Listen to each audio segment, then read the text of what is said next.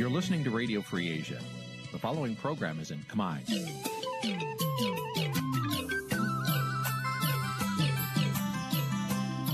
នេះជាកម្មវិធីផ្សាយ Vuthu Azizi Serai នេះជាកម្មវិធីផ្សាយរបស់ Vuthu Azizi Serai ជាភាសាខ្មែរ Vuthu Azizi Serai សូមស្វាគមន៍លោកអ្នកនាងទាំងអស់ពីរដ្ឋធានី Washington នៃសហរដ្ឋអាមេរិក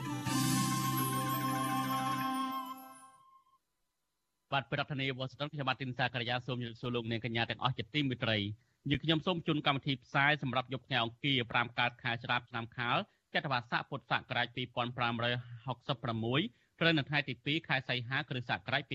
2022បាទជាដំបូងនេះសូមជម្រាបលោកអ្នកកញ្ញាស្ដាប់ព័ត៌មានប្រចាំថ្ងៃដែលមានមេត្តាដូចតទៅ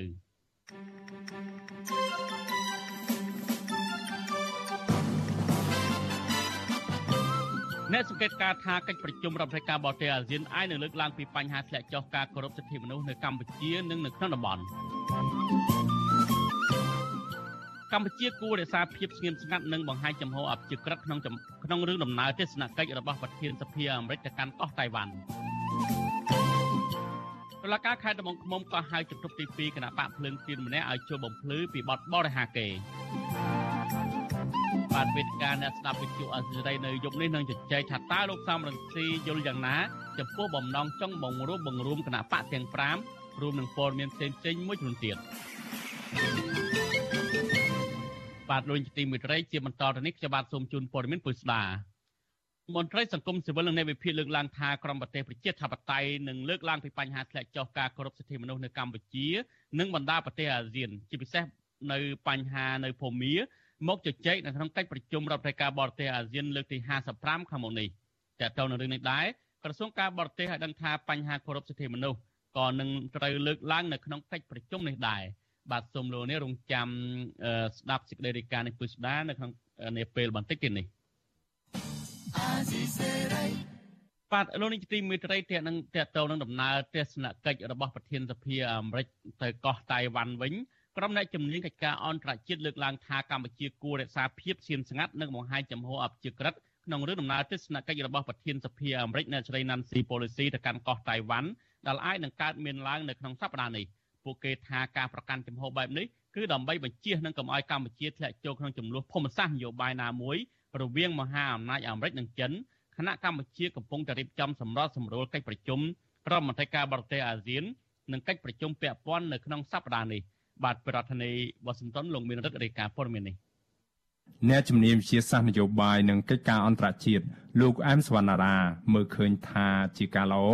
ដែលកម្ពុជាគួររក្សាភាពស្ងៀមស្ងាត់និងបង្ហាញចំហអព្យាក្រឹតជាជាងប្រកាសគាំទ្រការថ្កោលទោសរបស់ប្រទេសចិន ចំពោះដំណើរទស្សនកិច្ចរបស់ប្រធានរដ្ឋសភាអាមេរិកអ្នកស្រី Nancy Pelosi ទៅកាន់កោះតៃវ៉ាន់ដែលអាចនឹងកើតមានឡើងនៅក្នុងសប្តាហ៍នេះ លោកថាបើកម្ពុជាបញ្ចេញប្រតិកម្មដោយគាំទ្រការស្កោតទោសរបស់ប្រទេសចិនកុម្មុយនីសចំពោះដំណើរទស្សនកិច្ចនេះ នោះកម្ពុជានឹងខាត់បងប្រយោជន៍ច្រើននៅក្នុងពេលដែលកម្ពុជា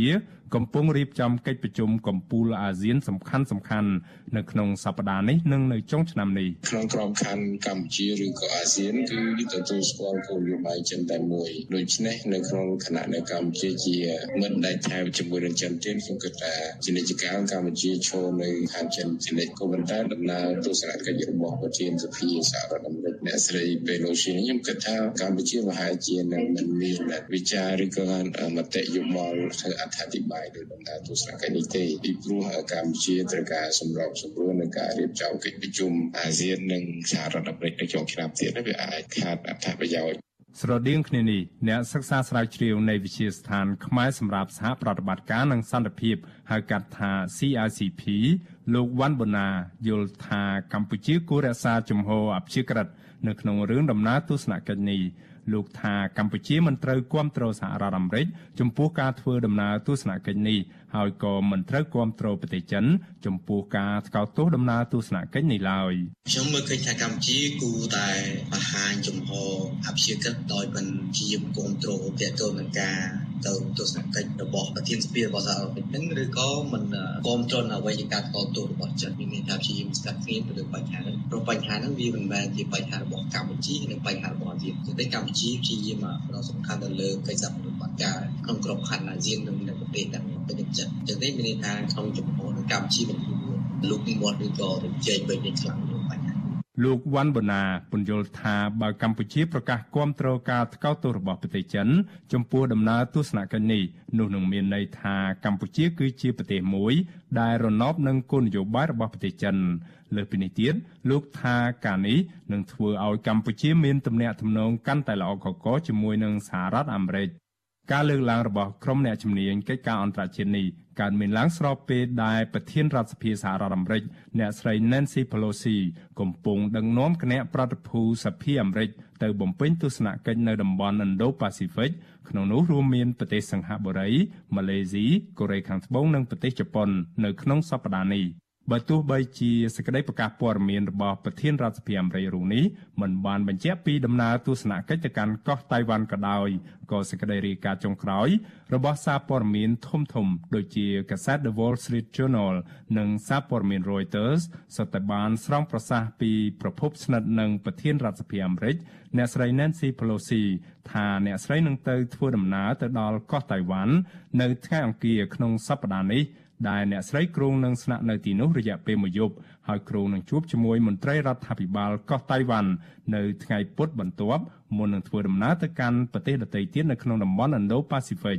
ទោះជាយ៉ាងណា ទាំងរដ្ឋាភិបាលសហរដ្ឋអាមេរិកនិងទាំងរដ្ឋាភិបាលកោះតៃវ៉ាន់នៅមិនទាន់បញ្ចេញឲ្យដឹងលម្អិតអំពីគម្រោងដំណើរទស្សនកិច្ចទៅកោះតៃវ៉ាន់នេះនៅឡើយទេគិតត្រឹមថ្ងៃច័ន្ទទី1ខែសីហាប្រសិនបើដំណើរទស្សនកិច្ចទៅកោះតៃវ៉ាន់នេះ ពិតជាកើតមានឡើងមែននោះនោះអ្នកស្រី Nancy Pelosi នឹងក្លាយជាប្រធានរដ្ឋសភាសហរដ្ឋអាមេរិកលើកទី1ដែលទៅធ្វើទស្សនកិច្ចនៅកោះតៃវ៉ាន់ចាប់តាំងពីឆ្នាំ1997មកអតីតប្រធានរដ្ឋសភាអាមេរិកមកពីគណៈបកសាធារណរដ្ឋលោក Newt Gingrich បានទៅបំពេញទស្សនកិច្ចនៅកោះតៃវ៉ាន់កាលពីឆ្នាំ1997 អ្នកនាំពាក្យក្រសួងការបរទេសកម្ពុជាលោកជុំសន្តិរីប្រាវិសុយស៊ីស្រីតាមបណ្ដាញសង្គម Telegram កាលពីថ្ងៃទី1ខែសីហាថាក្នុងនាមជាប្រធានអាស៊ាន កម្ពុជាឥឡូវនេះកំពុងរៀបចំកិច្ចប្រជុំថ្នាក់រដ្ឋមន្ត្រីការបរទេសអាស៊ាន និងកិច្ចប្រជុំពាក់ព័ន្ធជាពិសេសកិច្ចប្រជុំកំពូលអាស៊ីបូព៌ានិងវេទិកាតំបន់អាស៊ាន លោកបានថែមថាកម្ពុជានិងបណ្ដារដ្ឋសមាជិកអាស៊ានដទៃទៀតព្រមទាំងដៃគូចូលរួមកិច្ចប្រជុំទាំងនេះកំពុងប្រឈមទៅនឹងបញ្ហាប្រឈមជាច្រើន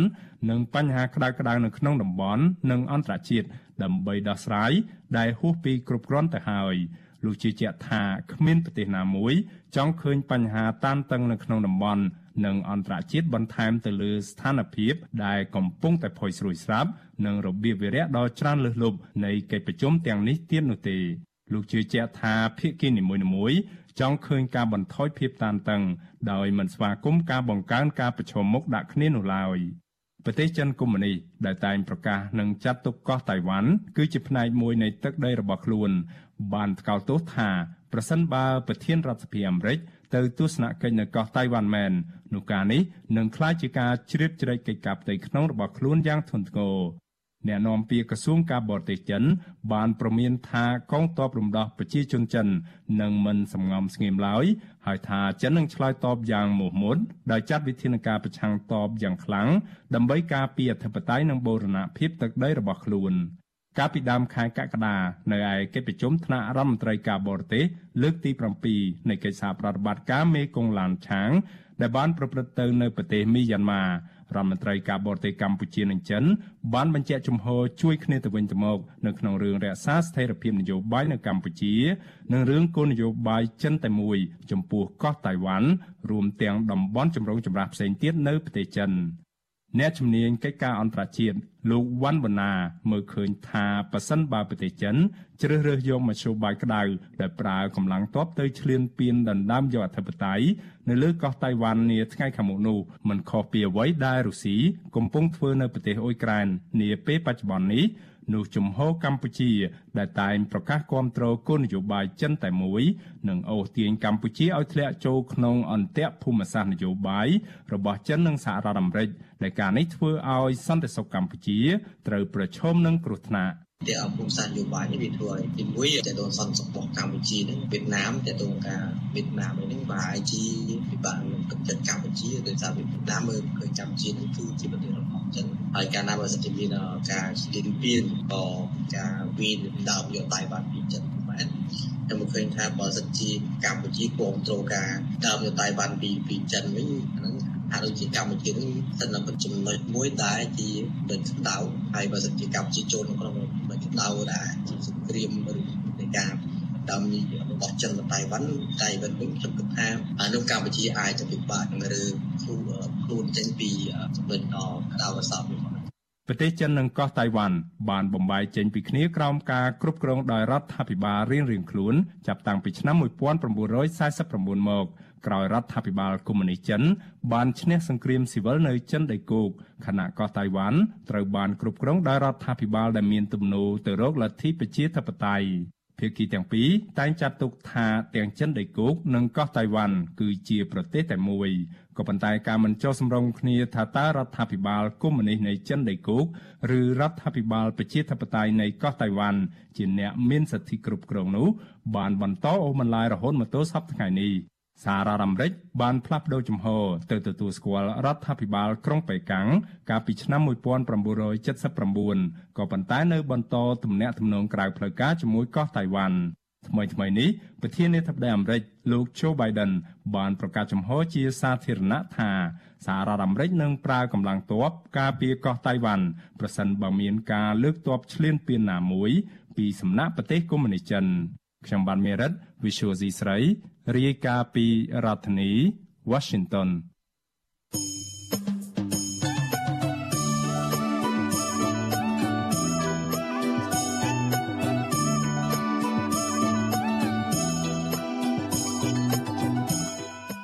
បាទលោកនាយកទីមេត្រីគណៈបកទុច្ចចំនួន5បានដាក់រូបមន្ត3រួមគ្នាដើម្បីឈានទៅដល់ការបង្រួបបង្រួមសម្រាប់ត្រៀមខ្លួនចូលរួមការបោះឆ្នោតជាតិអាណត្តិ2023ខាងមុខ ចុះសម្រាប់លោកសំរងស៊ីមេដឹកនាំគណៈបកប្រឆាំងដ៏ធំជាងគេនៅក្រៅប្រទេសវិញតើលោកយល់ឃើញបែបណាចំពោះផែនការចង់រួបរวมរបស់គណៈបកនយោបាយទាំង5នេះបាទសូមលោកនេះរងចាំទស្សនានីតិវិទ្យាអ្នកស្ដាប់ស៊ីសេរីនៅពេលបន្តិចទៀតនេះដែលយើងនឹងមានវិក្កាមិនលោកសំរងស៊ីប្រធានស្ដីទីគណៈបកសង្គ្រោះជាតិហើយនឹងនៃវិភាគនយោបាយគឺលោកបដិទ្ធវិសនេះនឹងមកចូលរួមនៅក្នុងការវិភាសាលើប្រធានបទនេះបាទសូមអរគុណ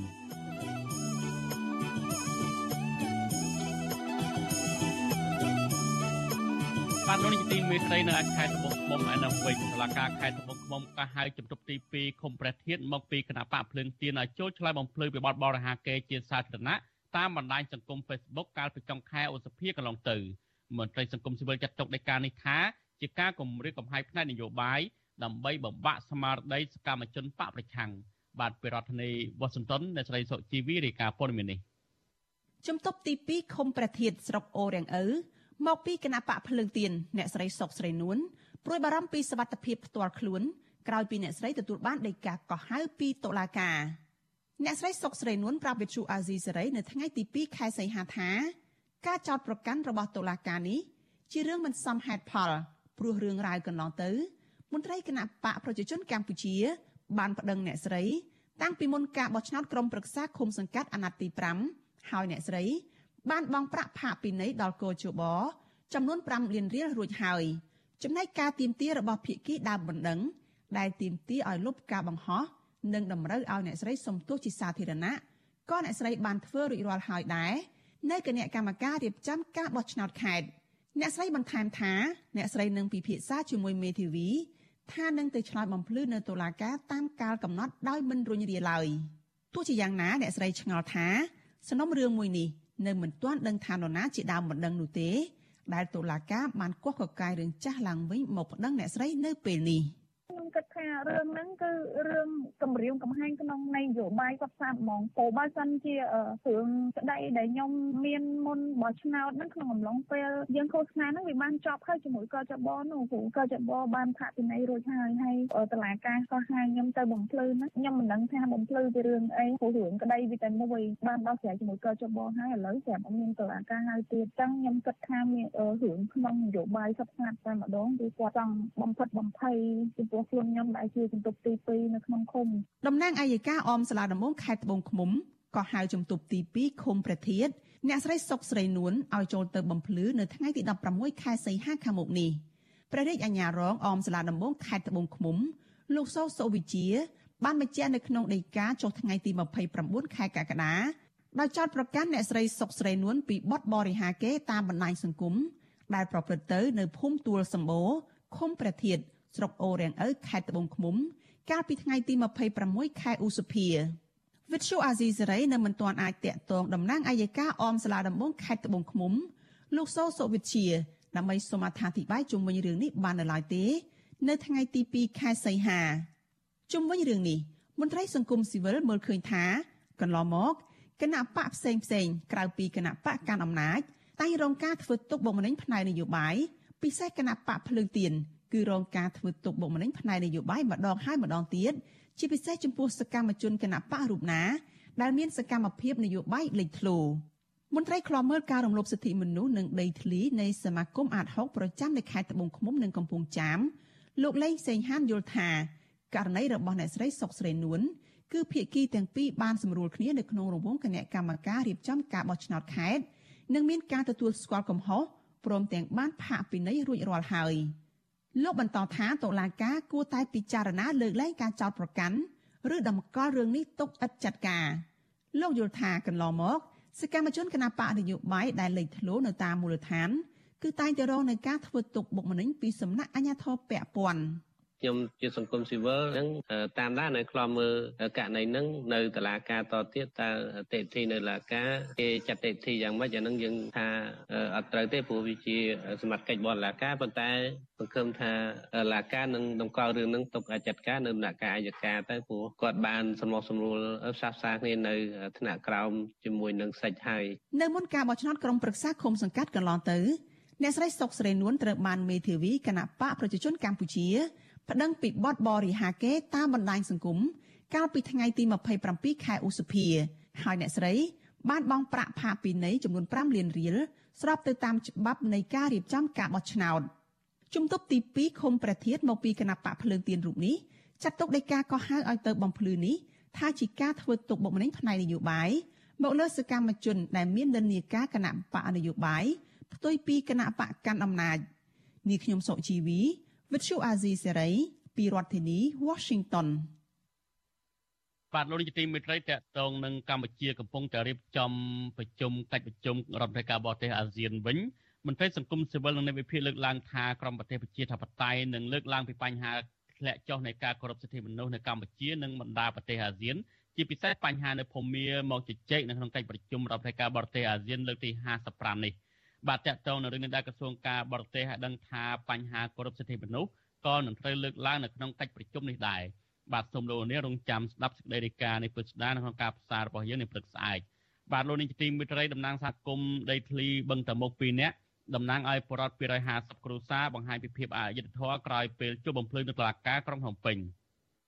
តំណាងប្រាប់2នាក់ក្នុងចំណោម7នាក់រស់នៅជាប់បឹងតមុកគឺលោកស្រីប្រាក់សុភិបនិងលោកស្រីផលសុខុម ដែលត្រូវអ្នកមានអធិបុលប្តឹងដោយសារតែតវ៉ាទាមទារកម្មសិទ្ធិដីធ្លីបង្ហាញខ្លួនទៅនៅបំភ្លឺនៅតុលាការសាលាដំបងរាជធានីភ្នំពេញ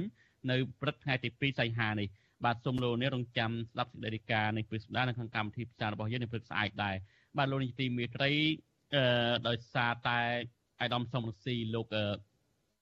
រពលហើយលោកចូលជាមួយយើងឆុងឆាត់ចូលហើយលោកឆុងមានធ្វើដំណើរអឺ លោករវល់អញ្ចឹងយើង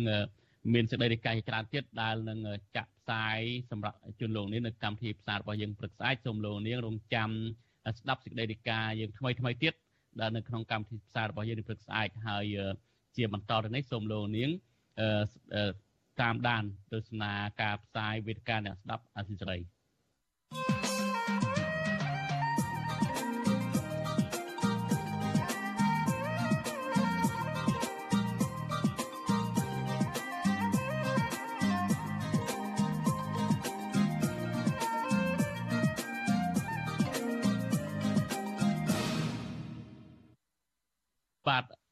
លោកលោកនាងជាទីមិត្តរី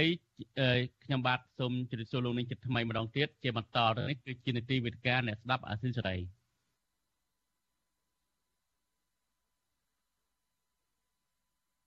បាទលោកនាយកទីមេត្រីដោយតែលោកលោកនាងដឹងហើយឥឡូវហ្នឹងគឺគណៈបកចំនួន5កំពុងតែស្វះស្វែងរកផ្លូវដើម្បីរួបរวมគ្នាដែលគណៈបកទាំង5នេះបានដាក់រូបមន្ត3 នៅក្នុងការរួបរวมគ្នានេះហើយរូបមន្ត3នោះគឺទី1ចែកមណ្ឌលគ្នាបោះឆ្នោតហើយទី2គឺនៅស្ថិតនៅក្នុងក្រមស្លាកគណៈបកណាមួយហើយទី3គឺរួមបញ្ចូលគ្នាហើយបង្កើតទៅជាគណៈបកថ្មីបាទវាគ្មិនដែលយើងនឹងមកជជែកគ្នានៅពេលនេះគឺយើងមានពីររូបគឺអាដាមសំស៊ីហើយនិងលោកបណ្ឌិតមាសនេះខ្ញុំបាទសូមជម្រាបសួរអាដាមសំស៊ីបាទជំរាបសួរបាទ បាទសុខសប្បាយអាដាមបាទសុខសប្បាយអរគុណច្រើនបាទបាទសក្ការៈសុខសប្បាយលឺខ្ញុំទេបាទលឺលឺសូរច្បាស់បាទបាទលោកដិតមាសនេះខ្ញុំទៅមិនលឺពីលោកទេបាទលឺខ្ញុំទេបាទបាទបាទសូមជម្រាបសួរបាទហើយសូមជម្រាបសួរអាយដាមសំរងស៊ីមកបាទជម្រាបសួរលោកនេះបាទបាទអរគុណច្រើនអាយដាមដែលអាយដាមរវល់ហើយហើយជ្រើសចូលរួមនៅក្នុងកម្មវិធីរបស់យើងនៅពេលនេះបាទអាយដាមមុននឹងខ្ញុំ ចូលតបធានបទរបស់យើងថាតាអាយដាមយល់ឃើញបែបណាចំពោះបំណងចង់រួមរួមរបស់គណៈបកទាំង5ខ្ញុំឃើញអាយដាមបានសរសេរនៅលើ Facebook កាលពីម្សិលមិញហើយបានសរសេរថាអ្នកបន្តវេនមិនអាចឲ្យគ្រូសាតែមួយបានទេចង់ទាញការចាប់អារម្មណ៍ពីអាដាមដោយខ្លីទៅទៅនឹងបញ្ហានេះហេតុអីបានជាអាដាមលើកឡើងបែបនេះបាទពីព្រោះប្រទេសកម្ពុជាជាមាតុភូមិទឹកដីកំណើត របស់យើងទាំងអស់គ្នា មិនមែនជាកម្មសិទ្ធិដាច់ថ្លៃរបស់បុគ្គលណាឬគ្រួសារណាទេ ហើយគ្មានមេដឹកនាំណាអាចដឹកនាំប្រទេសកម្ពុជាឯកជនដែលខ្លួនជាម្ចាស់ដូច្នេះត្រូវតែសួរយោបល់ប្រជារាស្ត្រតាក់ទងទៅនឹងរបៀបដឹកនាំ អ្នកដែលមានការទំនុកទុកចិត្តពីប្រជារាស្ត្រក្នុងការដឹកនាំប្រទេសបាទបាទអាដាមបានសរសេរចំតែម្ដង ថាលោកហ៊ុនម៉ាណែតគឺមិនមានអ្វីថ្មីទេ គឺចាំថាតែតាមតែឪពុកអីចឹងជាដើមយ៉ាងម៉េចទៅរឿងហ្នឹងបាទខ្ញុំកត់សម្គាល់ឃើញអញ្ចឹងមែនពីព្រោះខ្ញុំស្ដាប់លោកហ៊ុនម៉ាណែតនិយាយអត់មាននិយាយឈ្មោះទៅអនាគតអីបន្តិចក៏អត់ដែរគឺបែរមើលថយក្រោយ ធ្វើឲ្យថាតាមឪគាត់ថាកាលពីសម័យខ្មែរក្រហមនោះពិបាកណាស់ឥឡូវនឹងគ្រាន់បើជាងខ្មែរក្រហមឆ្ងាយណាស់ចង់បានអីទៀតភាសានេះគឺភាសាមនុស្សដែលមានទស្សនៈចង្អៀតចង្អល់អត់មានចក្ខុវិស័យមើលទៅថៃមុខវែងឆ្ងាយហើយវាគ្មានអីភ្ញាក់ផ្អើលទេពីព្រោះ លោកហ៊ុនម៉ាណែតមិនដែលមានបទពិសោធន៍មិនដែលមានស្នាដៃអ្វីបង្ហាញឲ្យឃើញថាគាត់មានសមត្ថភាពដឹកនាំប្រទេសនេះគាត់គ្រាន់តែរងចាំឲ្យឪគាត់បន្ទប់លើកគាត់ជានាយករដ្ឋមន្ត្រីប៉ុន្តែវាគ្មានអ្វីគួរឲ្យយើងស្ញប់ឲ្យយើងកោតសរសើរព្រោះគាត់អត់មានស្នាដៃអ្វីតទៅសោះគ្មានលឹះកូនខ្មែរដតីទៀតជាច្រើនដែល គេមានចំណេះដឹង គេមានទឹកចិត្តស្រឡាញ់ជាតិហើយខ្លះចាប់ផ្ដើមមានបទពិសោធន៍ក្នុងការស្នេហាជាតិក្នុងការប្រឆាំងអំពើពុករលួយ ក្នុងការការពារបរិស្ថាន មានកូនខ្មែរជាច្រើនណាស់ដែលបានបង្ហាញស្នាដៃដែលអាចមានសមត្ថភាពដឹកនាំប្រទេសល្អជាងលោកហ៊ុនម៉ាណែតឆ្ងាយលោកហ៊ុនម៉ាណែតគាត់បានអាងតែគាត់ជាកូនហ៊ុនសែនហើយហ៊ុនសែនចាំតែលើកគាត់ពីព្រោះចង់បន្តវេនបន្តពូជ ក្នុងការបន្តអំណាចផ្ដាច់ការហើយបន្តការឃោសនាបោកបញ្ឆោតប្រជារាស្ត្រហ្នឹងបាទអាដាមហេតុអ្វីបានជាអាដាមអះអាងថាលោកហ៊ុនម៉ាណែតមិនមានសមត្ថភាពអីនោះបើបើមើលទៅលោកហ៊ុនម៉ាណែតនឹងត្រូវបានគណៈបព្វជិជនកម្ពុជាចាត់ជាបេក្ខជននាយករដ្ឋមន្ត្រីហើយចាត់ជាយុវជនឆ្នើមហើយដែលលោករៀនចប់ថ្នាក់បណ្ឌិតទេនោះបាទមិនដឹងជាឆ្នើមកន្លែងណាទេពីព្រោះវាអត់មានស្នាដៃ មនុស្សយើងបើឆ្នើមណាអាយុ40ចូលជិត50ឆ្នាំហើយគួរណាស់វាមានស្នាដៃខ្លះបានធ្វើអីខ្លះគ្រាន់តែជួយតម្រង់ទិសតម្រង់ផ្លូវពន្យល់ឪពីពោះឪអវិជ្ជាល្ងងខ្លៅ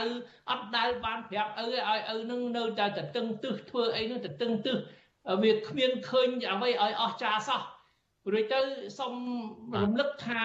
នៅក្នុងប្រព័ន្ធឧត្តមសិក្សា នៅលោកខាងលិច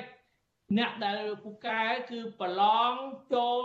មហាវិទ្យាល័យឬសាលាជំនាញដែលល្បីល្បាញជាងគេក្នុងពិភពលោក ហើយប្រឡងជាមួយនឹងជនជាតិស្បែកសម្ចាស់ស្រុកហើយបើថាយើងចូលតាមកូតាបរទេសអត់មានតម្លៃទេពីព្រោះកូតាបរទេសធួស ពីព្រោះគេសម្រួលគេសម្រួលឲ្យជនបរទេសរឿងតំណាក់តំណង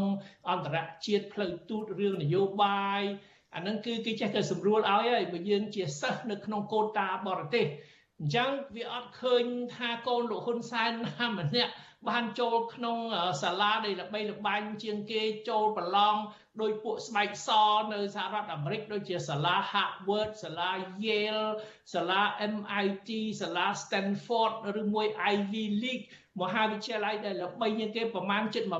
20មហាវិទ្យាល័យសាកលវិទ្យាល័យអត់ឃើញលោកហ៊ុនម៉ាណែតតាមបានប្រឡងចូលសាលាដល់ខ្ពង់ខ្ពស់ជាងគេ ហើយបើយើងបានចូលហើយចូលដោយថាគេស្រួលឲ្យយើងចូលវាគ្មានស្អីអស់ចាទេឲ្យតែលំបលលំទៅយើងបានចេញឲ្យទៅរួចទៅខ្លួនទៅប៉ុន្តែអ្វីដែលគេចម្រាញ់គេជ្រើសរើសគេកត់សម្គាល់ថានិស្សិតណាបកែឬមិនពូកែមើលថាមានបានប្រឡងចូលមហាវិទ្យាល័យណាសាកលវិទ្យាល័យណាដែលល្បីល្បាញជាងគេដែលពិបាកចូលជាងគេហើយប្រឡងស្មារភាពជាមួយជនជាតិស្បែកសមិនមែនចូលតាមកូតាបរទេសដោយលោកហ៊ុនម៉ាណែតទេ អរគុណអាដាមលោកនេះទីមិត្តរីជាបន្តទៅទីនេះខ្ញុំនឹងសួរអាដាមសំរងស៊ីទាក់ទងនឹងផែនការគណៈបក5ដែលក្រុងនឹងកំពុងតែរកវិធីដើម្បីរួបរวมគ្នាសម្រាប់ត្រៀមខ្លួនចូលរួមការបោះឆ្នោតឆ្នាំ2023ខាងមុខគណៈបកទាំង5បានដាក់រូបមន្ត3សំខាន់នៅពេលនេះគឺទី1ចែកតំបន់គ្នាបោះឆ្នោតទី2គណៈបកទាំងនេះអាចនៅមកច្រកក្រមស្លាកគណៈបកណាមួយហើយចូលរួមបោះឆ្នោត ទី3គឺគណៈបកទាំង5នេះរួមបញ្ចូលគ្នាហើយបង្កើតទៅជាគណៈបកថ្មីមួយដាក់ឈ្មោះថ្មីដោយដល់បបិសោគណៈបកសំរងស៊ីនិងគណៈបកអឺនិងគណៈបកសិទ្ធិមនុស្សបញ្ចូលបង្កើតទៅជាគណៈបកសង្គ្រោះជាតិអញ្ចឹងជាដើមសម្រាប់ពេលនេះដែលអាយដាមធ្លាប់ដឹកនាំគណៈបកប្រឆាំងជាច្រើនឆ្នាំហើយជាគណៈបកប្រឆាំងដែលធំជាងគេនៅកម្ពុជាផងនោះមុនដែលរដ្ឋាភិបាលឯកបកបានរំលាយគណៈបកសង្គ្រោះជាតិចោលហើយឥឡូវនេះឃើញគណៈបក នៅក្រៅរដ្ឋាភិបាលចំនួន5កំពុងតែស្វាស្វែងរករូបមន្តបង្រួបបង្រួមគ្នានេះជាការចាប់អារម្មណ៍របស់អាយដាមមើលឃើញបែបណាដែរបាទអ្វីដែលសំខាន់គឺការសម្រេចចិត្តបន្ទាប់ពីយើងទាំងអស់គ្នាឯកភាពគ្នាយល់ឃើញថាត្រូវតែមានការរួបរวมគ្នាដាច់ខាតបងរួបបង្រួមកម្លាំងស្នេហាជាតិកម្លាំងប្រជាធិបតេយ្យ កម្លាំងដែលជំរុញឲ្យមានការផ្លាស់ប្ដូរផ្លាស់ប្ដូរជាវិជ្ជមានផ្លាស់ប្ដូរតាមបែបបទប្រជាធិបតេយ្យគោលដៅនឹងសំខាន់ជាទីបំផុតតើតែយើងសម្រេចគោលដៅនឹងបានបានយើងអាចសង្គ្រោះជាតិយើងបានបើយើងយល់អញ្ចឹងទៅអស់គ្នាហើយហើយយើងមានឆន្ទៈបដូរផ្ដាច់ថាត្រូវតែរួបរวมគ្នាក្នុងន័យនឹងក្នុងបំណងនឹងអត់អីពិបាកទេ រូបមន្តចង់យករបៀបណាជជែកគ្នាលម្អិតចង់ជជែកគ្នាក្រោយទៅប៉ុន្តែសូមឲ្យបញ្ជាក់ឲ្យច្បាស់ថាយើងចង់ឲ្យមានការផ្លាស់ប្ដូរពិតប្រាកដទេ យើងចង់ឲ្យមានការរួបរวมគ្នាជាទ្រង់មួយក្នុងទ្រង់ទ្រង់ទ្រីធំជាទីបំផុតដើម្បីជំរុញឲ្យមានការផ្លាស់ប្ដូរបើថាឯកភាពគ្នាអញ្ចឹងទាំងអស់គ្នាហើយខ្ញុំជឿថាអត់មានអីពិបាកទេយើងនឹងរក នឹងអនុវត្តរូបមន្តណាមួយដែលសមស្របបាទអាដាមតើរូបមន្តឆ្លងតាមបទពិសោធន៍របស់អាយដាមជាមួយអឺអាដាមកម្មសខាពិសេសគឺគណៈបកសង្គ្រោះជាតិនឹងតែម្ដងតើអ្វីជារូបមន្តថ្មីនៅពេលដើម្បីឲ្យមើលឃើញថាគណៈបកនៅក្រដ្ឋាភិបាលទាំង5ឬក៏អាចគណៈមានគណៈបកជាច្រើនទៀតមកចូលនៅក្នុង ចង្កោមតែមួយហើយមានទិសដៅមួយរួមគ្នាហើយធានាថាចុងក្រោយមិនបែកគ្នាហើយសម្រាប់ទិសដៅចង់ឲ្យមានការផ្លាស់ប្ដូរតាមរយៈការបោះឆ្នោតរបស់ប្រជារាស្ត្រជាអ្នកវិនិច្ឆ័យប្រជារាស្ត្រអ្នកបោះឆ្នោតជាអ្នកវិនិច្ឆ័យយើងឃើញថាប្រជារាស្ត្រខ្មែរនិងអ្នកបោះឆ្នោតនៅតែបន្តគ្រប់គ្រងគណៈបកណាដែលបង្ហាញនៅភាពស្មោះត្រង់ គឺមិនបដូរជំហររបស់ខ្លួនជំហរស្មោះត្រង់ជាមួយប្រទេសជាតិជំហរស្មោះត្រង់ជាមួយប្រជារាស្ត្រ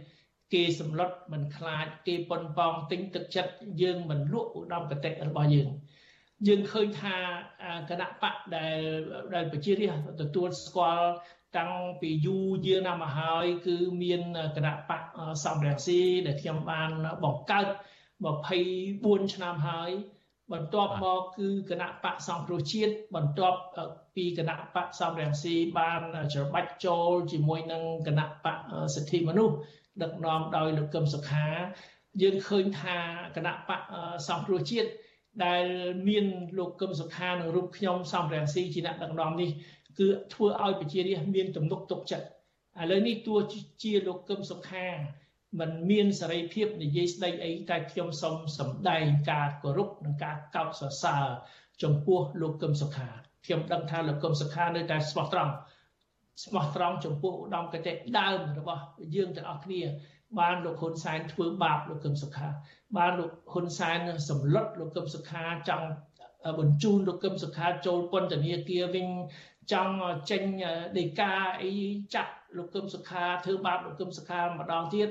គឺថាដោយសារលោកកឹមសុខាគាត់ស្មោះត្រង់គាត់មិនព្រមចោះចាញ់គាត់មិនព្រមធ្វើតាមលោកហ៊ុនសែននឹងហើយបានជាលោកហ៊ុនសែនចង់ធ្វើបាបលោកកឹមសុខាជាបន្តទៅទៀតអញ្ចឹងហើយបានថាសូមរក្សាឧត្តមគតិដើមរបស់សំរងស៊ីឧត្តមគតិដើមរបស់កឹមសុខាឧត្តមគតិដើមរបស់សង្គ្រោះជាតិសូមរក្សាធ្វើម៉េចឲ្យប្រលឹងសង្គ្រោះជាតិនៅរស់រវើកជាជារៀងរហូតបាទអាដាម អឺទោះបីជាអាដាមនៅតែអះអាងថាសម្ព័ន្ធភាពរបស់អាដាមនៅពេលនេះមិនទាន់បែកគ្នាក៏ដោយប៉ុន្តែបើយើងមើលអំពីអ្នកគ្រប់គ្រងរបស់អាយដាមនិងនិងអាយដាមកម្មសខាហាក់បីដូចជាមិនជោគគ្នាទេវាយប្រហារគ្នាទៅវិញទៅមកនៅលើបណ្ដាញសង្គមហើយលោកកម្មសខាក៏បានប្រកាសប្រាប់តុលាការដែរថាលោកបានបែកគ្នាជាមួយអាយដាមហើយជាបទពិសោធន៍នៅបែបនេះសម្រាប់ អ្នកនយោបាយឋានៈនយោបាយចំនួនក្រោយឬក៏គណៈបកនយោបាយបច្ចុប្បន្នដែលកំពុងតែស្វាស្វែងចង់រួបរวมគ្នានៅពេលនេះវិញតើអ្វីជាមេរៀនសំខាន់ជាបទពិសោធន៍សំខាន់ដើម្បីឲ្យការចងគ្នាចាប់គ្នាហើយមិនមានចុងក្រោយទៅមិនមានការហែកហួរគ្នាហើយធ្វើឲ្យអ្នកប្រជាធិបតេយ្យទទួលបានជោគជ័យនោះបាទខ្ញុំបានលើកឡើងអំបញ្ញមិញពីភាពស្មោះត្រង់ដើម្បីមានភាពស្មោះត្រង់ អាចបង្ហាញទឹកចិត្តស្មោះត្រង់ចំហស្មោះត្រង់ចំពោះប្រជារាស្ត្រខ្មែរចំពោះប្រទេសជាតិរបស់យើង យើងត្រូវតែមានភាពឯករាជ្យឯករាជ្យឯករាជ្យហិរញ្ញវត្ថុយើងអត់ត្រូវការលុយកាក់អីគេមកចិញ្ចឹមគេមកជួយយើងដោយមានលក្ខខណ្ឌអត់ទេយើងមានមធ្យោបាយធ្វើការតស៊ូដោយខ្លួនយើង ហើយដោយមានប្រសិទ្ធភាព ទី2យើងអត់ចង់បានបនស័កខ្ពើមអាបនស័កទៅចូលរួមចំណែកពុករលួយធ្វើបាបរាសជាមួយពួកបពពួកហ៊ុនសែននឹងខ្ពើមមិនត្រូវចូលដៃជាមួយហ៊ុនសែនតែខាតអាគេឲ្យតំណែងហ៊ុនសែនឲ្យតំណែងគឺជាតំណែងធ្វើបាបរាសបំផ្លាញជាតិអានឹងគឺយើងមិនត្រូវចង់បានទេអាតំណែងរបៀបនឹងថោកទាបជាទីបំផុត អញ្ចឹងសូមឲ្យមានចំហពីរហ្នឹងទី1អត់ត្រូវការលុយអត់ត្រូវការការឧបត្ថម្ភទិញទឹកចិត្តអីអត់ត្រូវការទាល់តែសោះទី2អត់ចង់បានតំណែងពីហ៊ុនសែនអត់ចង់ទៅធ្វើរណបហ៊ុនសែនទៅចូលដៃជាមួយហ៊ុនសែនបំផ្លាញជាតិធ្វើបាបរាជដោយសពថ្ងៃអត់ដាច់ខាតហើយទី3អត់ខ្លាចអត់ខ្លាចអត់ខ្លាចគេសម្លុតអត់ខ្លាចគេគំរាម អត់ខ្លាចគេចង់ធ្វើទុកបុកម្នេញយើងយើងយើងអាចការពារខ្លួនយើងបានប៉ុណ្ណាការពារទៅឲ្យយើងរក្សារក្សាសម្លេងយើងបើយើងបាត់សម្លេងយើងហើយរហូតបាត់សេរីភាពហើយបាត់ជីវិតទៀតក៏មិនដឹងធ្វើអីកើតដែរអញ្ចឹងយើងត្រូវរក្សាលទ្ធភាព តស៊ូតទៅទៀតបន្តការតស៊ូគ្មានជនប្រាជ្ញាណាអមតៈទេអ្វីអ្វីគឺវាជាពិសេសអំពើអាក្រក់គឺវាមានទីបញ្ចប់របស់វាដូច្នេះយើងអត់ធ្មត់តែបន្តិចទៀតទៅខ្ញុំជឿថាយើងនឹងដល់គោលដៅយើងនឹងសម្រេចគោលដៅរបស់យើងណាបាទអរគុណ បាទលោកនាងទីមេត្រីបើសិនជាលោកនាងចង់សួរមកកាន់វិក្កាមរបស់យើងអាដាមសំរងស៊ីនិងលោកនិតមាសនេះសូមលោកនាងដាក់លេខទូរស័ព្ទនៅក្នុងក្នុងខមមិនដែលយើងកំពុងតែផ្សាយផ្ទាល់តាម Facebook YouTube នេះយើងខ្ញុំនឹងតាក់ទងទៅនឹងហៅដល់លោកនាងវិញដើម្បីផ្ដល់ឱកាសឲ្យលោកនាងសួរនិងបញ្ចេញជាមតិយោបល់បាទតែខ្ញុំចង់ងាកទៅលោកមរិតមាសនេះវិញអ្វីដែលអាដាមសំស៊ីមានប្រសាសន៍នៅពេលនេះដើម្បីការរួមរួមគ្នាបានលុះត្រាតែមានគោលចំហរួមមួយជាសំខាន់គឺគឺស្មោះត្រង់ ក្រៅពីស្មោះត្រង់ហើយត្រូវមាន3ចំណុចទៀតដែលដូចដែលអាដាមសំស៊ីបានរៀបរាប់អំបញ្ញមិញគឺទី1ឯករាជ្យថាវិការទី2អឺមិនចង់បានអំណាចបនស័កហើយទី3សំខាន់នោះគឺមិនខ្លាចការគម្រិតកំហែងសម្រាប់លោកដិតមាសនេះដែលនៅក្នុងស្រុកវិញតើលោកដិតមើលឃើញថាគណៈបកទាំង5នេះមានទាំង3នេះហើយនៅបាទបាទសូមអរគុណហើយសូមជម្រាបសួរជម្រាបសួរអៃដាមសងស៊ីម្ដងទៀតផងបាទអឺ ជាការពិតអ្វីដែលជាប្រសាសន៍អៃដាមសងស៊ីនេះវាជាយើងហៅថាជាមេរៀនមួយដែលយើងអាចនឹងឆ្លោះប្រចាំងទៅលើអ្វីដែលគណៈបកសង្គ្រោះជាតិធ្លាប់មានបទពិសោធន៍ពីមុនមកយើងដឹងហើយថានៅក្នុងពេលដែលគណៈបកសំរងស៊ីហើយនិងគណៈបកសិទ្ធិមនុស្សពេលនោះប្រកាសចូលគ្នានឹងគឺអត់មានពេលគ្រប់គ្រាន់ដើម្បីរៀបចំខ្លួនទេបាទដូច្នេះការ កសាងនៅតំណែងតំណងយើងហៅថាជារាត្រីទឹកខ្មុំក៏មានការពិបាកក៏ប៉ុន្តែសម្រាប់ពេលនេះអឺខ្ញុំឃើញថានៅមានពេលជិតមួយឆ្នាំទៀតដើម្បីរៀបចំខ្លួនហើយក្នុងនោះក៏ដោយប្រសាយដំសំទីបានលើកឡើងថាបើសិនបើយើងចាប់ផ្ដើមភ្លាមយើងគិតអំពីការចែកអំណាចគ្នាឬក៏រៀបចំគ្នាអ្នកណាដឹកនាំអ្នកណាអីនោះខ្ញុំគិតថាហាក់ដូចជាវាថ្មីពេកសម្រាប់ធ្វើកិច្ចការនោះ នៅក្នុងគណៈដែលអ្នកប្រជាធិបតេយ្យនឹងនៅមានរឿងច្រើនទៀតដែលត្រូវធ្វើរួមគ្នានៅក្នុងពេលដំបូងនេះហើយនៅមានរឿងច្រើនទៀតដើម្បីសាងនៅទំនាក់ទំនងហើយនឹងការយល់គ្នាពីវិញគ្នាពីគ្នាទៅវិញទៅមកបាទយើងដឹងស្រាប់ហើយនៅក្នុងរយៈពេល5ឆ្នាំក្រោយនេះចុងក្រោយនេះក្រោយពេលដែលសង្គ្រោះជាតិបានត្រូវរំលាយយើងឃើញថាគណៈបកកណ្ដាលអំណាចគឺគេបានបង្កើនលបឿនទៅមុខកាន់តែលឿនហើយកាន់តែឆ្ងាយរួមទាំងកម្លាំងនយោបាយរួមទាំងធនធាន ហើយយើងដឹងហើយថាក៏មានការធ្វើពិសោធនកម្មរដ្ឋធម្មនុញ្ញនេះជាបន្តបន្ទាប់រហូតដល់10ដងនៅក្នុងរយៈពេល10ឆ្នាំចុងប្រហែលអាណត្តិចុងក្រោយនៅក្នុងអាណត្តិចុងហើយយើងក៏មិនទាន់ដឹងថាតើនឹងមានការប្រែប្រួលអីទៀតបាទប៉ុន្តែបើយើងមកមើលគូប្រកួតខ្ញុំមិននិយាយអំពីរឿងគូប្រឆាំងទេប៉ុន្តែខ្ញុំប្រើពាក្យថាគូប្រកួតវិញនៅក្នុងទីលានប្រជាធិបតេយ្យអឺយើងឃើញថានៅខាងអ្នកប្រជាធិបតេយ្យហ្នឹងគឺយើងដើរថយក្រោយ ក្រៅពីរឿងសង្គ្រោះជាតិបានត្រូវគេរំលាយមកយើងឃើញថាគណៈបកអឺដែលអឺដែលយើងហៅថាជារៀបចំខ្លួនដើម្បីទៅប្រកួតជាមួយរដ្ឋាភិបាលហ្នឹងគឺមានការបែងចែកគ្នាទៅជាក្រុមតូចតូចហើយម្យ៉ាងនៅក្នុងនោះក៏យើងដឹងហើយថាមានគណៈបកខ្លះបង្កើតឡើងក៏ក្នុងនាមដើម្បីចង់មានមហិច្ឆតា ទៅធ្វើនយោបាយសកម្មគណៈបកខ្លះក៏កើតឡើងដោយចៃដន្យដោយសារតែរួមចាំនៅសកម្មភាពនយោបាយផ្សេងយូរពេកទៅក៏នាំឲ្យបង្កើតប៉ុន្តែការបោះឆ្នោតនៅក្នុងក្រុមប្រឹក្សាឃុំនៅក្នុងឆ្នាំ2023 22កន្លងទៅនេះគឺបានបង្ហាញនៅសុចនាករច្បាស់ថាតើគណៈបកណាអាចទៅមុខរួចគណៈបកណាទៅមុខមិនរួចហើយថាតើ ទីតាំងដែលខ្លួនត្រូវឈរជើងនៅក្នុងឆ្នាំ2023នេះត្រូវឈរជើងនៅក្នុងកន្លែងណាខ្លះនៅក្នុងគណៈនៅក្នុងស្ថានភាពបែបនេះខ្ញុំគិតថាប្រសិនបើគណៈបកដែលមានបំណងក្នុងការសាកល្បងធ្វើការជាមួយគ្នាហើយ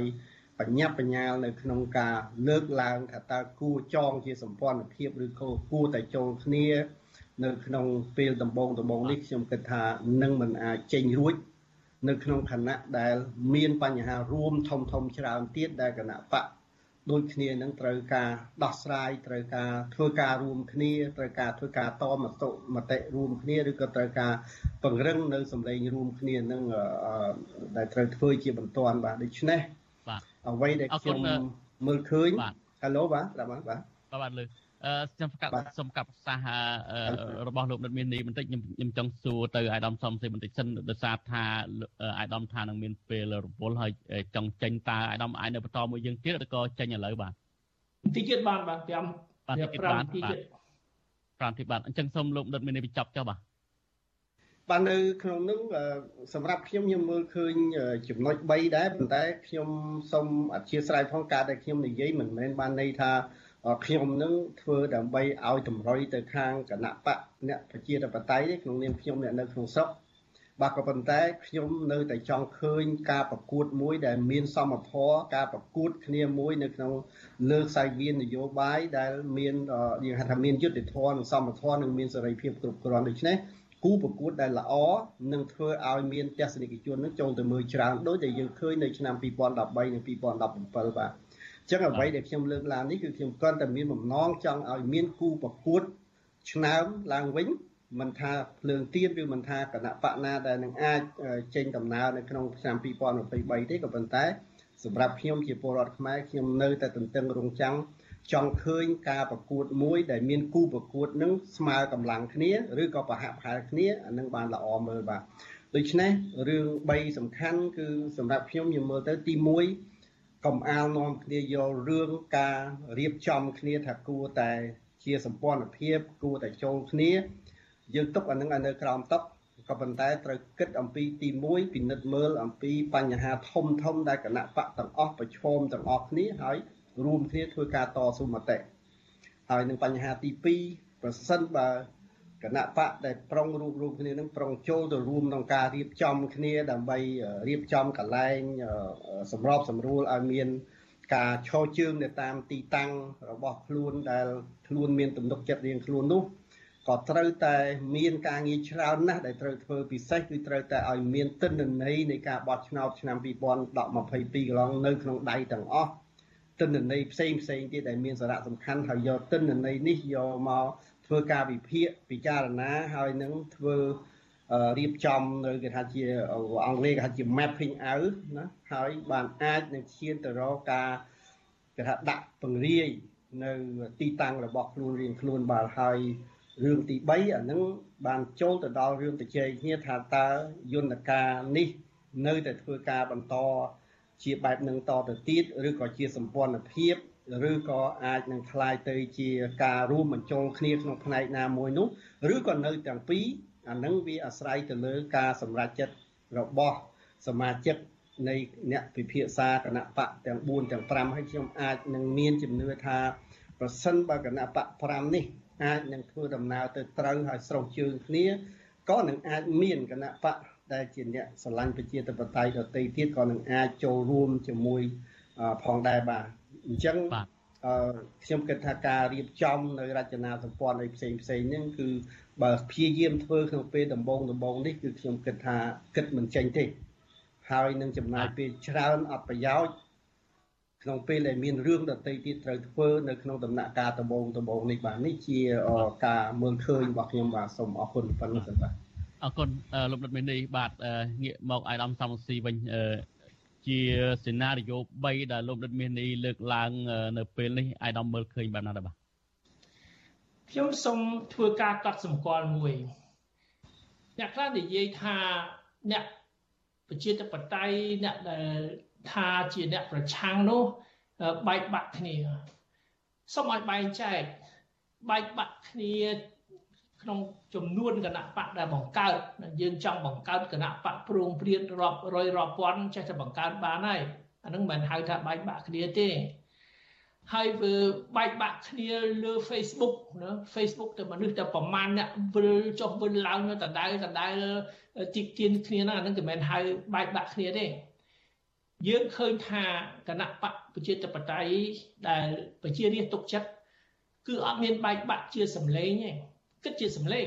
អ្វីដែលសំខាន់គិតជាសម្លេងឆ្នោតយើងមើលការបោះឆ្នោតកាលពីខែ6ពីខែមុននេះយើងឃើញគណៈបកភ្លើងទៀនទទួលបាន1លាន6សែនសម្លេងហើយគណៈបកផ្សេងទៀតដែលថាប្រឆាំងគណៈបកប្រជាជនដឹកនាំដោយលោកហ៊ុនសែន ប្រឆាំងយ៉ាងម៉េចមានអីប្រឆាំងបើសម្លេងទទួលបាន100ដងតិចជាងភ្លើងទៀន1000ដងតិចជាងភ្លើងទៀនអញ្ចឹងមានបែកបាក់គ្នាកន្លែងណាសម្លេងប្រមូលផ្ដុំជុំវិញភ្លើងទៀនរាប់លានជិត2លានហើយសម្លេងជុំវិញគណៈបកផ្សេងទៀតហ្នឹងប្រមាណពាន់ហ្នឹងវាវាឃើញអត់មានឃើញបែកបាក់ទេអញ្ចឹងយើងធ្វើម៉េចរក្សាសន្ទុះចរន្តដែល គណៈបកភ្លើងទៀនបានត្រួសត្រាយបានជំរុញបានបើកផ្លូវហើយយើងឃើញថាគណៈបកភ្លើងទៀននេះគឺមកជំនួសគណៈបកសង្គ្រោះជាតិហើយបើអត់មានឱកាសលទ្ធភាពរៀបចំគណៈបកសង្គ្រោះជាតិឡើងវិញគឺគណៈបកភ្លើងទៀននឹងហើយហើយបើសង្គ្រោះជាតិខ្លាំងប៉ុណ្ណាភ្លើងទៀននឹងអាចខ្លាំងប៉ុណ្ណឹងអាចខ្លាំងជាងនឹងផង ហើយកុំទៅខ្វល់ខ្វាយដែលគណៈបកប្រជាជនលោកហ៊ុនសែនគាត់ឆ្លេឆ្លាគាត់កែរដ្ឋធម្មនុញ្ញតក្រហល់នឹងអានឹងជាភាពភាពគាត់គាត់ស្លន់ស្លោគឺមិនភាពខ្លាំងទេគឺភាពខ្សោយគាត់ដឹងថាភ្លើងទៀននឹងខ្លាំងគឺភ្លើងទៀនអាណត្តិ2023នឹងច្បាស់មានតំណាងរាច្រើនហើយគាត់មិនអាចរំពឹងលើរដ្ឋសភាបានទេបើរដ្ឋសភាមានតំណាងរាស្ត្រភ្លើងទៀនច្រើន គឺច្បាស់ជារដ្ឋសភាជំទាស់មិនអោយកូនលោកហ៊ុនសែនឡើងធ្វើនាយករដ្ឋមន្ត្រីជំនួសលោកហ៊ុនសែនឲ្យលោកហ៊ុនសែនចាត់តាំងកូនគាត់ទៅទេទៅទេអញ្ចឹងបានទេអញ្ចឹងបើគាត់ភ័យដល់គាត់ភ័យភ្លើងទៀនហ្នឹងបើគាត់កែរដ្ឋធម្មនុញ្ញថាមិនមិនត្រូវឆ្លងកាត់រដ្ឋសភាទេឆ្លងកាត់តែគាត់នឹងបានហើយគាត់ធ្វើជាប្រធានគណៈបកប្រជាជនកម្ពុជាឆ្លងកាត់តែគាត់នឹងបានហើយគាត់ទៅសេទៅស្ដាច់ឲ្យស្ដាច់តែងតាំងកូនគាត់អានឹងមានន័យថាគាត់ភ័យ គាត់ភ័យខ្លាចរដ្ឋសភាគាត់ជៀសពីរដ្ឋសភាគឺគាត់ខ្លាចរដ្ឋសភាដែលគាត់ខ្លាចរដ្ឋសភាគាត់ខ្លាចភ្លើងទៀនមកមកមានសម្លេងអធិបុលខ្លាំងក្នុងរដ្ឋសភានឹងហើយបង្ហាញភាពខ្សោយរបស់ហ៊ុនសែននេះហើយបើយើងមើលកម្លាំងសង្គ្រោះជាតិកម្លាំងសង្គ្រោះជាតិក្រោយពីការបោះឆ្នោតឃុំសង្កាត់2017យើងឃើញថាអូសង្គ្រោះជាតិបានទទួលតំណែងមេឃុំចៅសង្កាត់489 បានទទួលតំណែងក្រុមប្រឹក្សាឃុំសង្កាត់507តែយើងភ្លេចយើងភ្លេចថានឹងមានការបោះឆ្នោតជ្រើសរើសមួយឆ្នាំក្រោយបោះឆ្នោតជ្រើសរើសក្រុមប្រឹក្សាស្រុកក្រុមប្រឹក្សាខេត្តក្រុមប្រឹក្សារាជធានីកម្លាំងសង្គ្រោះជាតិក្នុងការប្រមូលបាន2017ហ្នឹងគឺសង្គ្រោះជាតិត្រូវតែធ្វើប្រធានក្រុមប្រឹក្សារាជធានីភ្នំពេញ ប្រធានក្រុមប្រឹក្សាខេត្តកំពង់ចាមប្រធានក្រុមប្រឹក្សាខេត្តសៀមរាបប្រធានក្រុមក្រុមប្រឹក្សាខេត្តបាត់ដំបងរាជធានីភ្នំពេញខេត្តធំធំទាំងអស់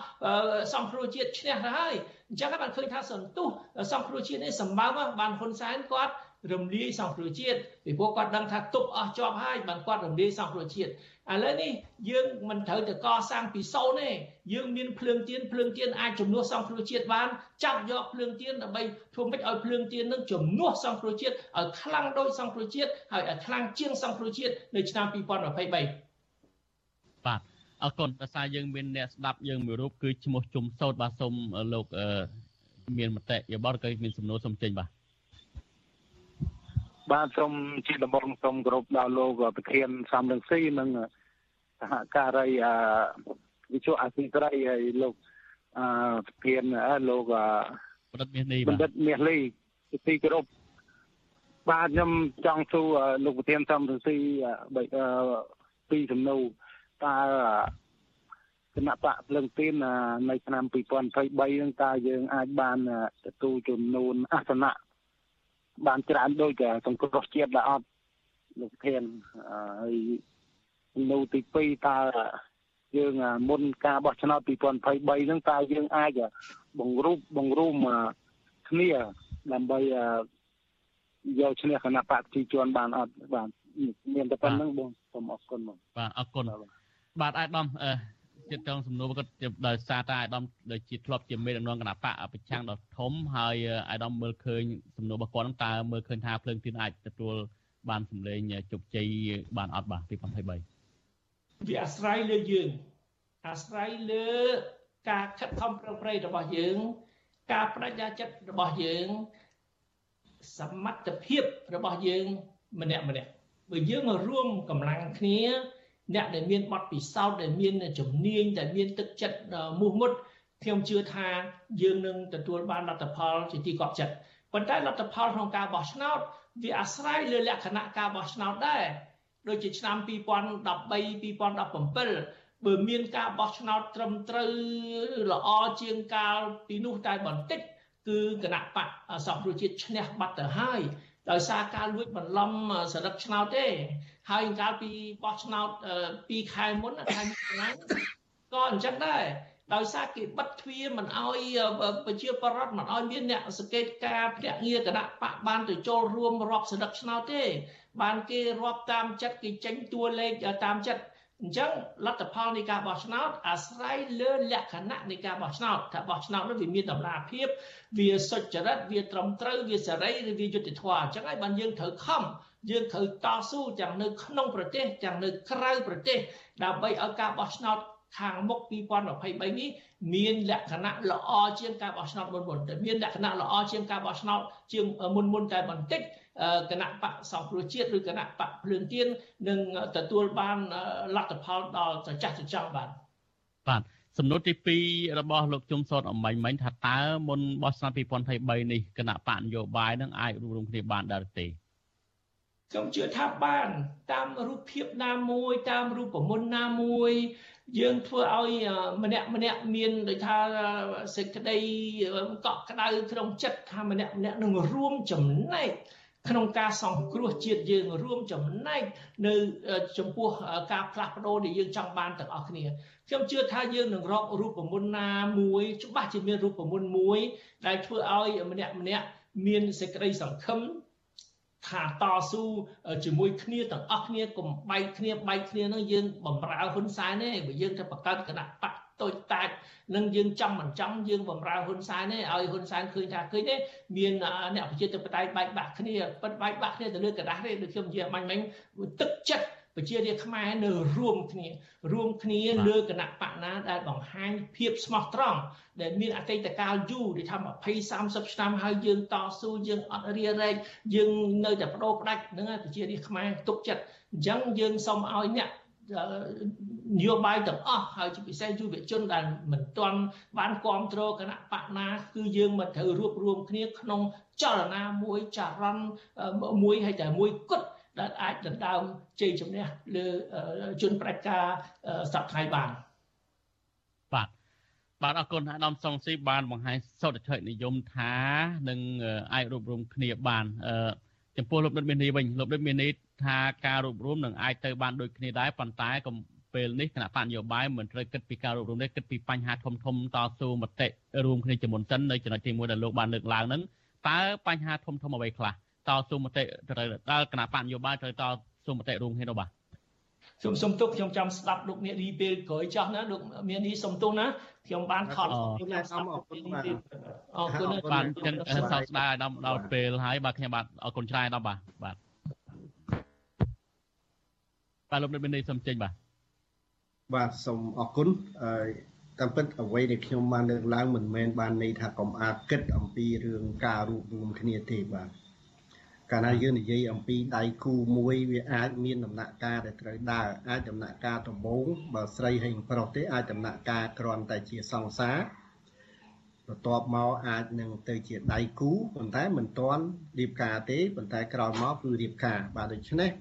អ្វីដែលខ្ញុំចង់លើកឡើងពីរឿងការរៀបចំនៅជាសម្ព័ន្ធភាពឬមួយក៏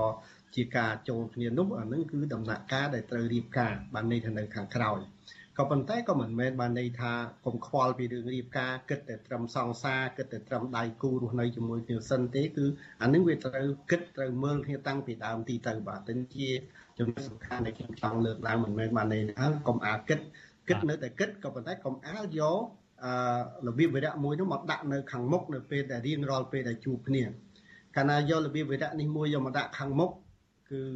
ជជែកអីទៀតក៏អត់ចេញដែរហើយពេលវេលាក៏កាន់តែបោះចោលកាន់តែវែងទៅវែងទៅទីចុងបំផុតថ្ងៃបោះឆ្នោត2023នឹងមកដល់បាទដូច្នេះអឺវាមានរឿងច្រើនដែលគណៈបកមិនមែនគណៈបកកាន់អំណាចត្រូវរួមគ្នាគិតហើយចំណុចថាមានកន្លែងណាខ្លះនោះខ្ញុំគិតថាគណៈបកនយោបាយនីមួយៗគេបានដឹងរបស់គេថាស្អីខ្លះដែលជាបញ្ហាប្រឈមធំធំ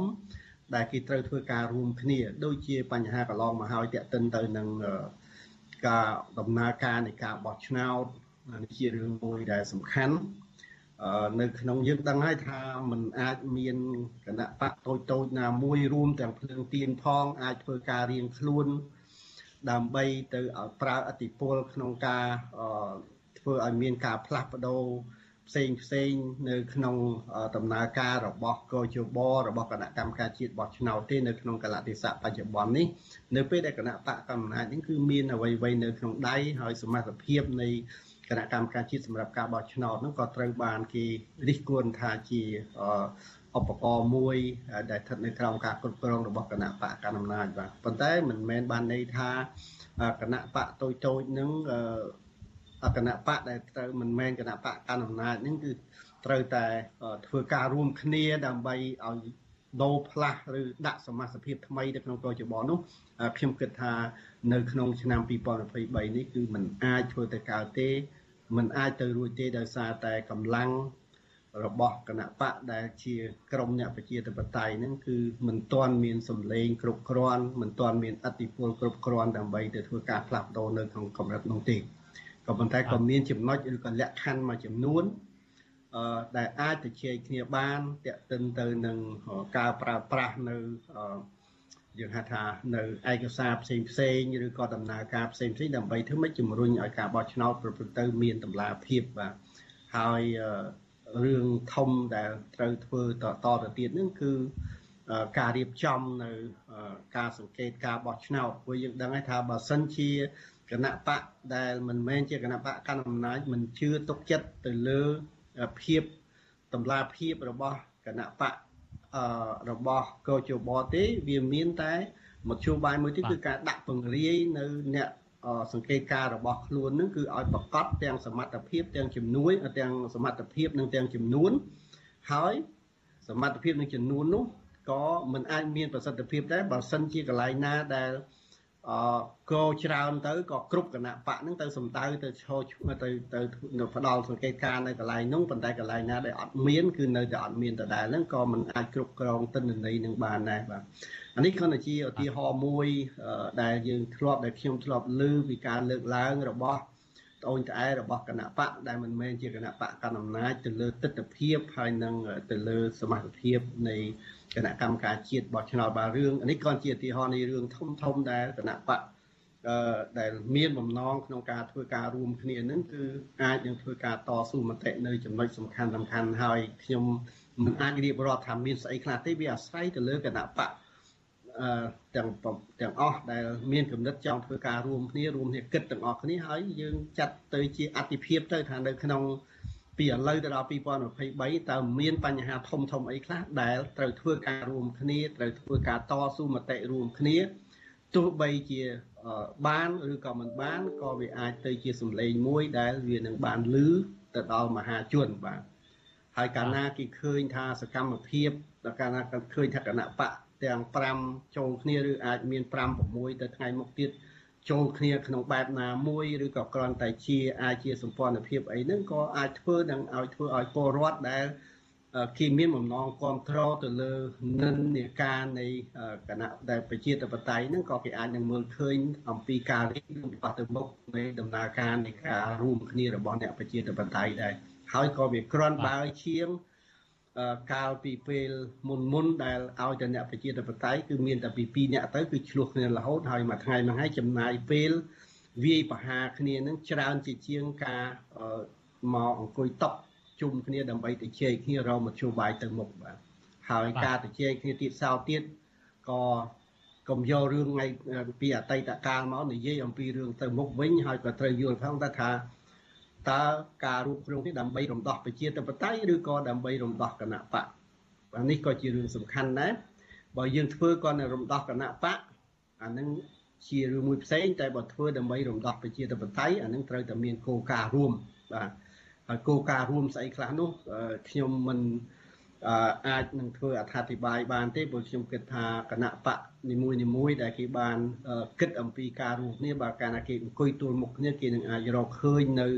បញ្ហារួមនៅបញ្ហាចម្បងធំធំដែលត្រូវធ្វើការរួមគ្នាបាទហើយដូចខ្ញុំជម្រាបជូនអញ្ចឹងថាដំណាក់កាលនៃការឈានទៅរកការរៀបការជាដៃគូជាប្តីប្រពន្ធនេះមិនមែនចាប់ភ្លាមឲ្យការជាប្តីប្រពន្ធភ្លាមទេវាត្រូវមានដំណាក់កាលនៅជាសង្សារធ្វើការជាមួយគ្នាជាដៃគូរកស៊ីជាមួយគ្នាហើយនឹងដំណាក់កាលចុងក្រោយគឺអាចរៀបការបានចឹងទៅបាទដូច្នេះពេលវេលាវា មាននៅក្នុងរយៈពេលជិតមួយឆ្នាំទៀតដែរសម្រាប់រៀបចំខ្លួនដើម្បីឈានទៅរកទម្រាំនឹងដល់ថ្ងៃរៀបការបាទសូមអរគុណបាទអរគុណបាទលោកនាយកទីមេត្រីលោកនាងដែលកំពុងតែស្ដាប់ការផ្សាយរបស់វិទ្យុអសិរ័យតាមរលកធាតុអាកាសខ្លីឬក៏ software ហ្នឹងនឹងមិនលើការផ្សាយរបស់យើងទៀតទេប៉ុន្តែសម្រាប់លោកនាងដែលកំពុងតែទស្សនាតាម Facebook YouTube សូមលោកនាងអញ្ជើញទស្សនាជាមួយយើងតទៀតដែលយើងនឹងមានពេលរយៈពេលកន្លះម៉ោងទៀតបាទអឺ ដោយសារយើងបានភ្ជាប់អ្នកស្ដាប់យើងមួយរូបទៀតគឺមកពីខេត្តសៀមរាបគឺលោកបៃតិចបាទសូមជើញសូមជម្រាបសួរលោកបៃតិចហើយលោកមានសំណួរចង់សួរមកលោកដិតមាននេះសូមជើញបាទបាទអឺអរគុណ